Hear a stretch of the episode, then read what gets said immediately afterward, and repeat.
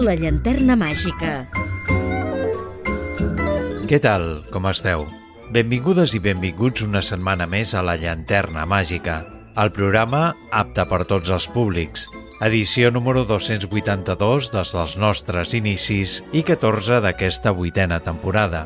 Netflix ha presentat el tràiler final de La Societat de la Nieve, la darrera producció de Juan Antonio Bayona, que s'estrena a la plataforma el 4 de gener de 2024 després del seu pas per algunes sales de cinema seleccionades a partir d'aquest divendres. Es tracta ni més ni menys que la pel·lícula que representa Espanya a la 96a edició dels Premis Òscar en la categoria de millor pel·lícula internacional. A més, ha estat nominada a quatre Premis Feroz, millor pel·lícula, direcció, música original per Michael Giacchino i tràiler, i el millor llargmetratge de ficció en l'edició d'aquest any dels Premis Forquer.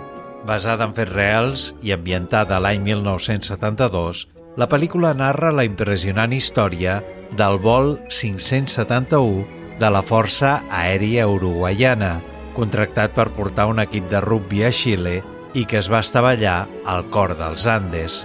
Però abans d'endinsar-nos en el tema, deixeu-me que us recordi que podeu seguir la nostra activitat i escoltar els darrers programes emesos a les xarxes socials. Segueix el programa al Facebook facebook.com barra la llanterna màgica.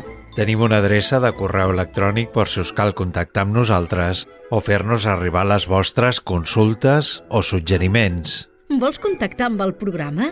llanterna01 arroba gmail.com Ho tenim tot a punt? Doncs vinga, som-hi! La llanterna màgica, amb Jordi Terrades.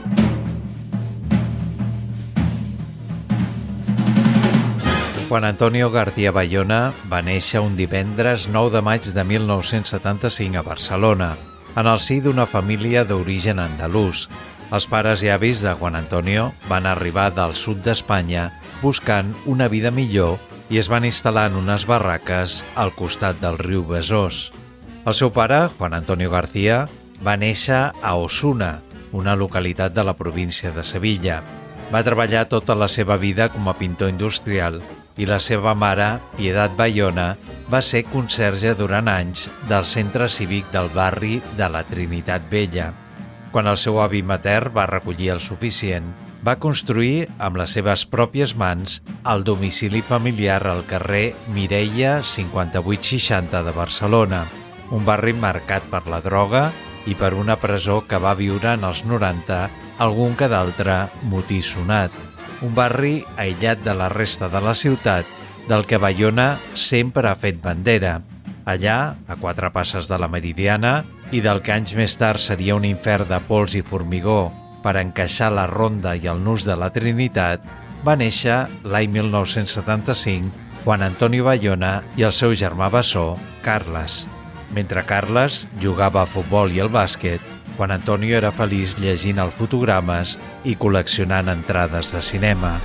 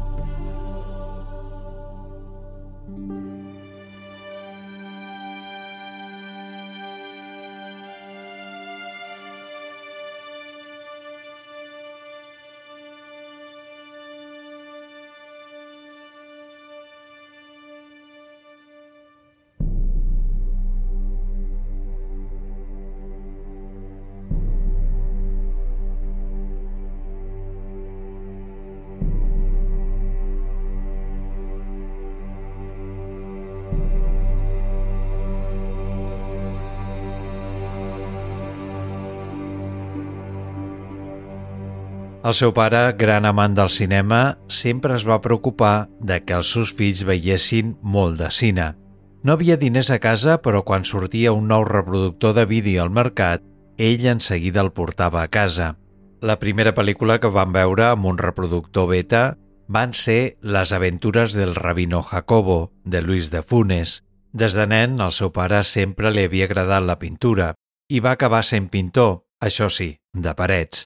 També va ser el seu progenitor qui li va comprar el primer fotogrames amb 11 anys. Per al cineasta, es van convertir en habituals les escapades al ja desaparegut Cine Urgell, en el centre de Barcelona.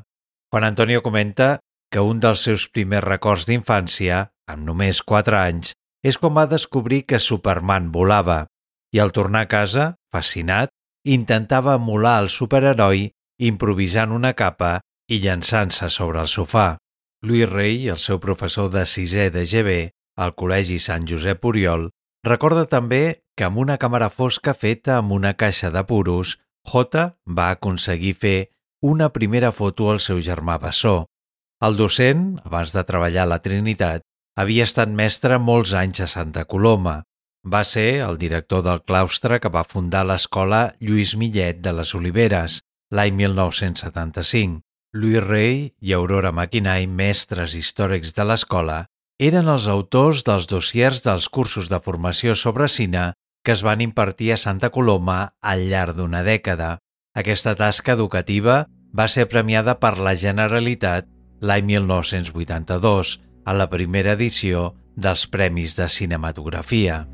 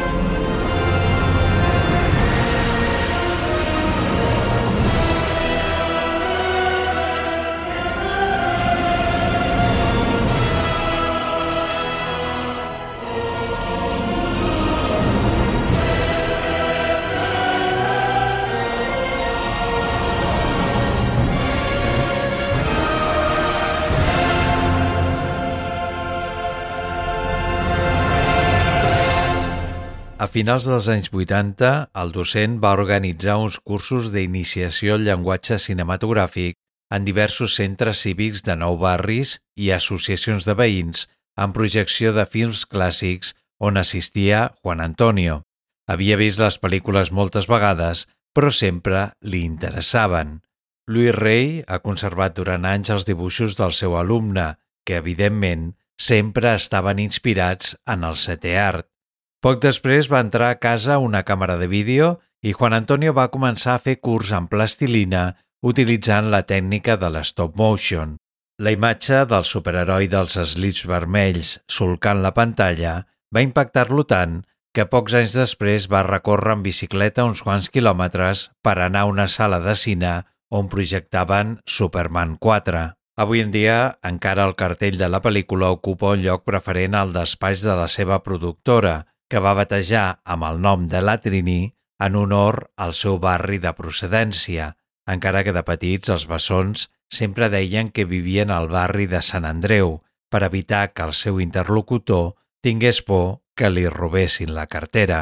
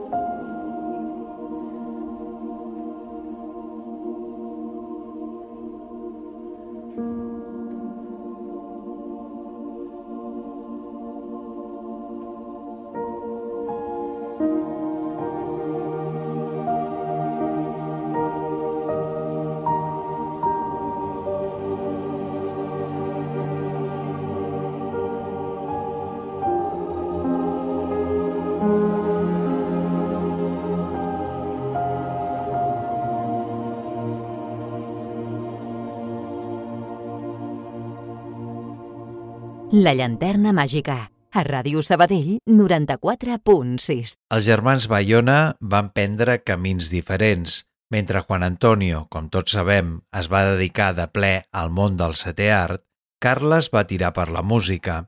Ha format part de diferents formacions musicals com De la Fe i les Flores Azules i OBK, però el DJ, productor musical i cofundador del festival Electropop Alternatiu, el que més li agrada és punxar música pop i electrònica.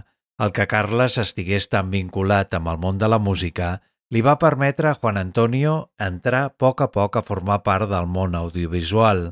Així ell col·laborava amb les diferents formacions musicals per elaborar els seus videoclips.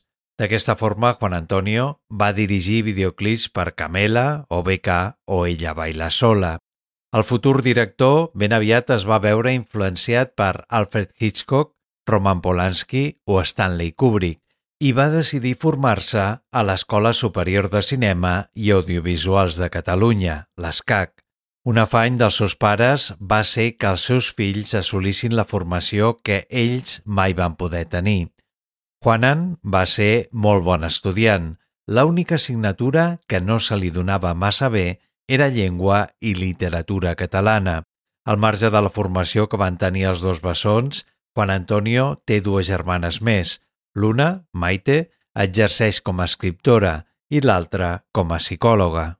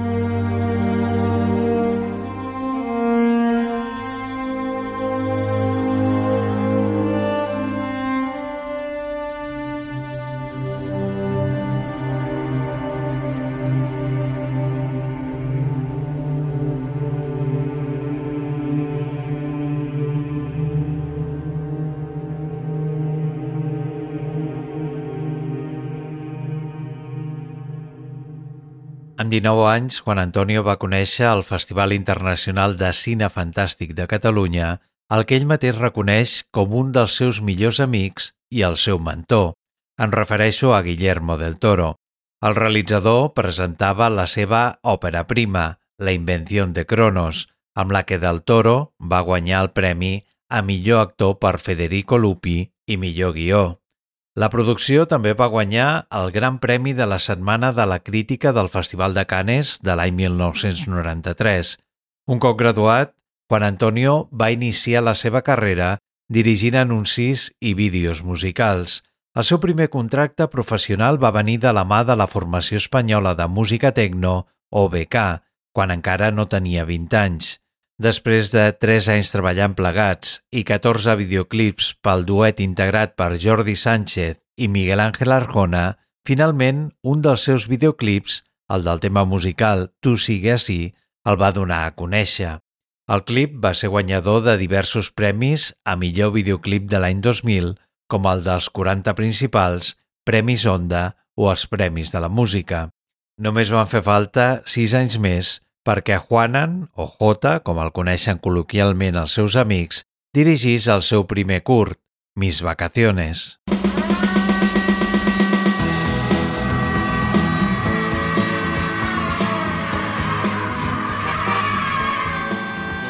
Pues voy me voy de vacaciones, que ya estoy del cole y he sacado sobre, que si no suspendes nada sacas sobre en religión.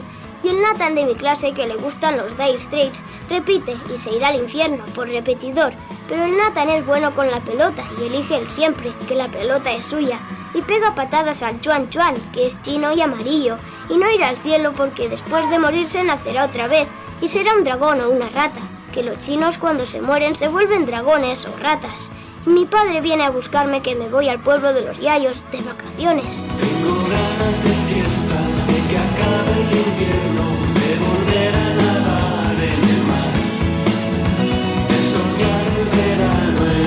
fuimos novios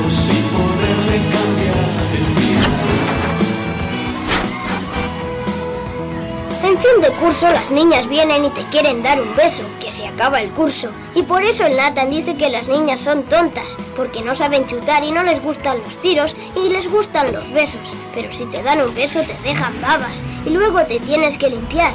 Y yo no quiero que me den un beso nunca. Y me voy al pueblo de los yayos y allí me como los fuetes. Tengo ganas de fiesta,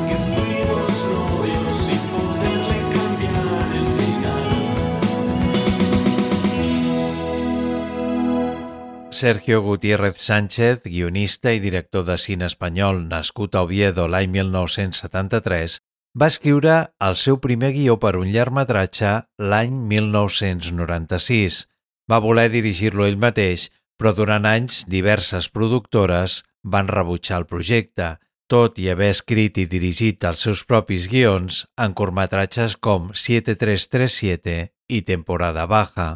Durant el rodatge del seu primer curt, Sánchez i Bayona es van conèixer i ell mateix li va oferir dirigir el llibret. Bayona va acceptar. La idea era la de mostrar com un nen s'inventa amics imaginaris per cridar l'atenció de la seva mare.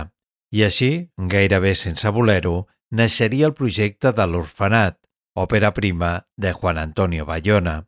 Al principi es tractava d'un projecte modest, però J pensava més en gran, així que va proposar doblar la durada i, per tant, el pressupost pel film. La proposta va ser acceptada i coproduïda per Guillermo del Toro, a qui havia entusiasmat la trama. L'orfenat va resultar ser tot un èxit en la seva presentació al Festival de Cannes. Bayona va rebre el seu primer Premi Goya a millor direcció novell, Sergio Gutiérrez Sánchez, el Goya, a millor guió original, i la pel·lícula va ser nominada en altres 12 categories, de les quals va obtenir 7 capgrossos.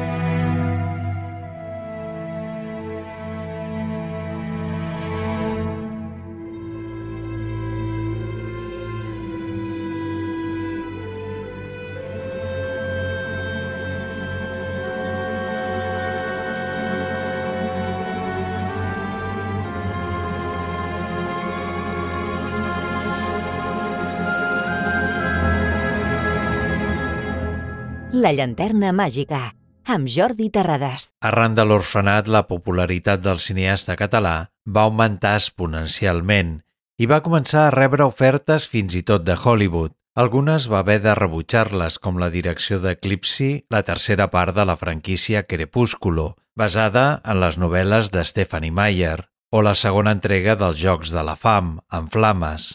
J recorda el seu amic Guillermo del Toro donant-li el consell de que a Hollywood s'ha de saber dir que no. Així que es va prendre els seus inicis en calma i cautela. Una pel·lícula requereix molt de temps, esforç i exposició, i no et pots equivocar així com així. De les ofertes que va rebre en aquell moment, recorda amb decepció que no tirés endavant el projecte de dirigir Guerra Mundial Z, perquè havia estat treballant en ella durant gairebé un any. En els següents projectes, J va continuar fent gala del seu talent i potencial com a cineasta, caracteritzat per l'atenció als detalls que aconsegueix que les seves pel·lícules facin reaccionar l'espectador.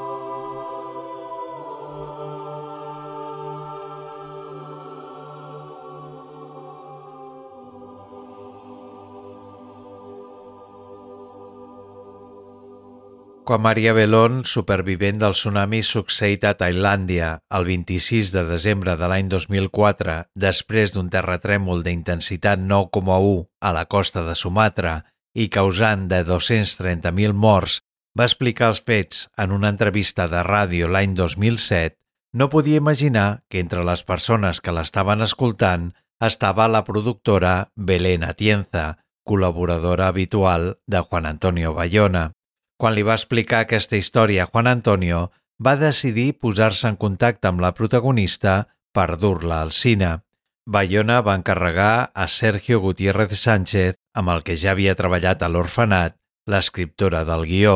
A més, va comptar amb el mateix equip tècnic.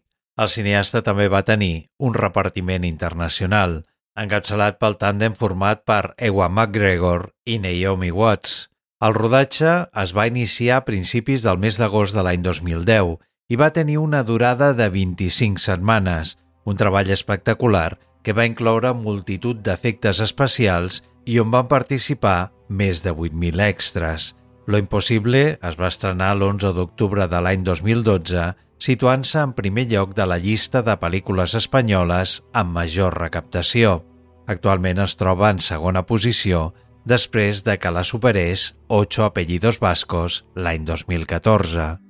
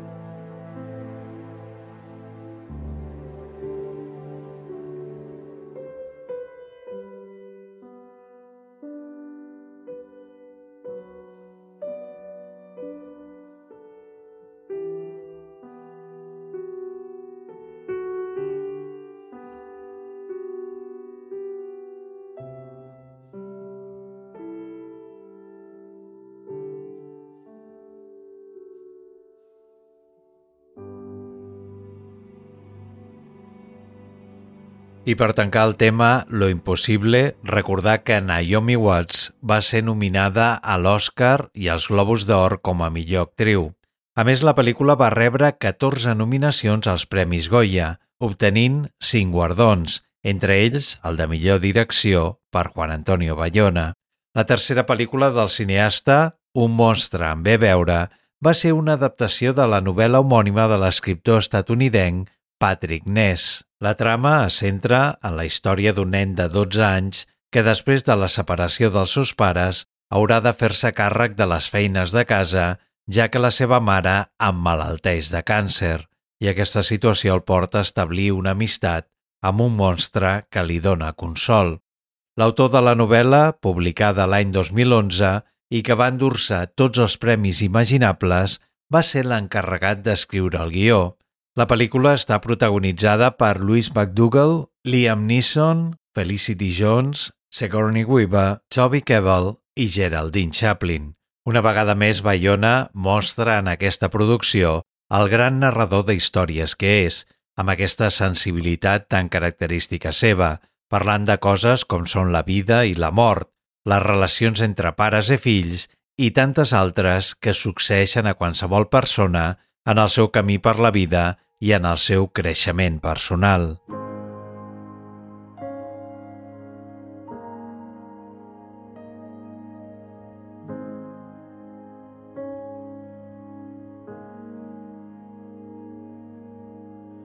I wanna hand you my heart and let you carry the load. Nobody tells you anything you need to know.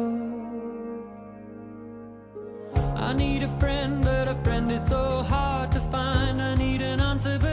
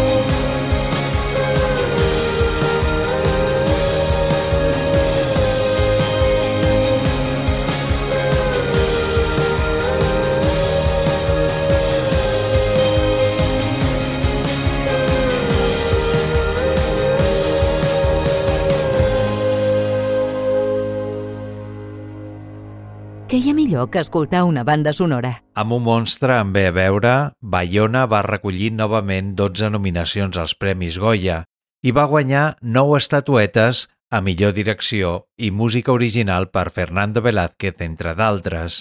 La pel·lícula va ser estrenada al Festival de Sant Sebastià el 7 d'octubre de 2016. Entre els seus següents projectes es trobava la direcció de la pel·lícula Jurassic World, El reina caigut, per al que va ser seleccionat personalment per Steven Spielberg.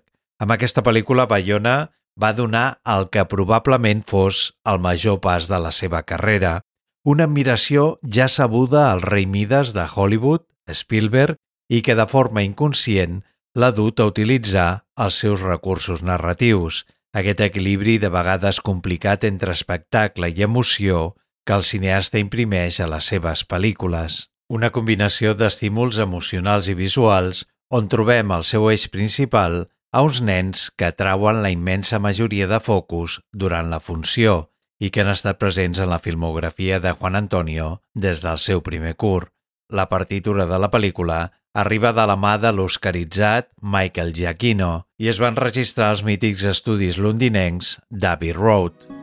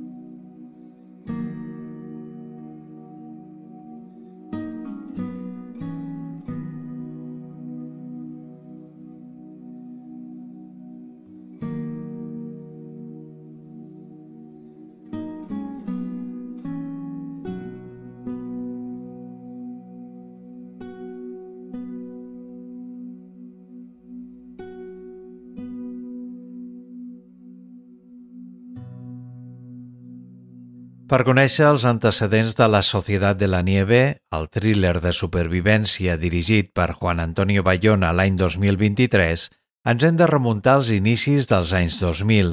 El cineasta estava en ple procés de creació de Lo Impossible quan va descobrir la novel·la sobre el desastre del vol uruguaià de 1972 als Andes, escrit per Pablo Bierzi. Finalitzat el rodatge de Lo Impossible, J va comprar els drets de la Societat de la Nieve i va començar a enregistrar més de 100 hores d'entrevistes amb tots els supervivents vius de la catàstrofe. El rodatge va tenir lloc a Sierra Nevada, Xile, Argentina i Uruguai. Després de 138 dies de rodatge intens i un pressupost de més de 65 milions d'euros, finalment la pel·lícula va poder ser estrenada a la cluenda de la vuitantena edició del Festival Internacional de Venècia. Posteriorment va passar pel Festival Internacional de Cine de Sant Sebastià i es va projectar a la secció Fora de competició del 56è Festival Internacional de Cinema Fantàstic de Catalunya. Ara, la pel·lícula representarà el nostre país a l'Oscar a millor pel·lícula internacional a la 96a edició dels Premis de Hollywood, que celebrarà el 10 de març al Dolby Theatre de Los Angeles. Les nominacions finals s'anunciaran el 23 de gener de 2024. Però sigui com sigui i passi el que passi, val a dir que ja és tot un triomf haver arribat fins aquí. I tot gràcies als somnis fets realitat d'un nen de la Trinitat Vella que somiava en volar com Superman.